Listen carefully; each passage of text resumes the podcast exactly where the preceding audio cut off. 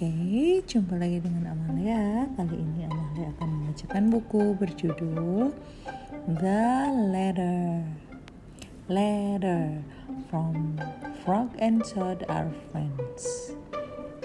The let Nah, the letter ya, bukan the letter. Letter tangga dong. the letter. Toad was sitting on his front porch. Frog came along and said, What is the matter, Toad? You are looking sad. Hmm, yes, said Toad. This is my sad time of day. It is the time when I wait for mail to come. I always it always makes me very unhappy. Why is that? asked Frog. Because I never get any mail, said Toad. Not ever? asked Frog. No, never, said Toad. No one has ever sent me a letter. Every day my mailbox is empty. That is why waiting for the mail is a sad time for me. Frog and Toad sat on a porch, feeling sad together. Then Frog said, I have to go home now, Toad. There is something that I must do. Frog hurried home. He found a pencil and a piece of paper. He wrote on the paper. He put the paper in the envelope. On the envelope, he wrote, A letter for Toad. Frog ran out of his house. He saw a snail that he knew. Snail, said Frog, please take this letter to Toad house and put it in his mailbox. Sure, said the snail right away. Then Frog ran back to Toad's house. Toad was in bed taking a nap. Toad, said Frog, I think you should get up and wait for the mail some more. Hmm. No, said Toad.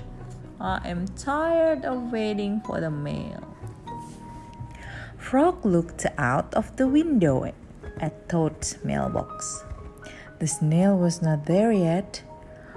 Toad, said Frog, you never know when someone may send you a letter. No, no, said Toad. I do not think anyone will ever send me a letter. Frog looked out of the window. The snail was not there yet. But Toad, said Frog, someone may send you a letter today. Don't be silly, said Toad. No one has ever sent me a letter before, and no one will send me a letter today. Frog looked out of the window. The snail was still not there. Frog, why do you keep looking out the window? asked Toad. Because now I'm waiting for the mail, said Frog. But there will not be any, said Toad. Oh, yes, there will, said Frog. Because I have sent you a letter. You have? said Toad. What did you write in the letter? Frog said, I wrote, Dear Toad, I am glad that you are my best friend. Your best friend, Frog. Oh, said Toad, that makes a very good letter. Then the Frog and Toad went out onto the front porch, front porch to wait for the mail.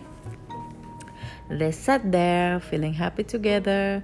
Frog and Toad waited a long time. Four days later, the snail got to Toad's house and gave him the letter from Frog. Toad was very pleased to have it. The end. Oh, ceritanya apa ya? Funny uh, tapi sweet banget ya. Kalian kalau punya temen kayak gitu gimana perasaannya? Pasti happy banget. Oke, okay, see you soon. Bye bye.